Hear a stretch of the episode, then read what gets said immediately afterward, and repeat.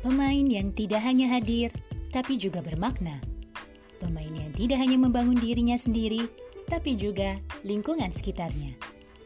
Sebagai sekolah manajemen tertua di Indonesia, kami percaya bahwa hard skill adalah hal penting. Namun, soft skill juga tak kalah penting. Karena itulah keluarga besar kami diisi oleh para pemimpi, pembelajar, dan pembaharu yang tak ragu untuk terus melangkah maju, yang tak pernah berhenti belajar untuk membuat hidup lebih bermakna.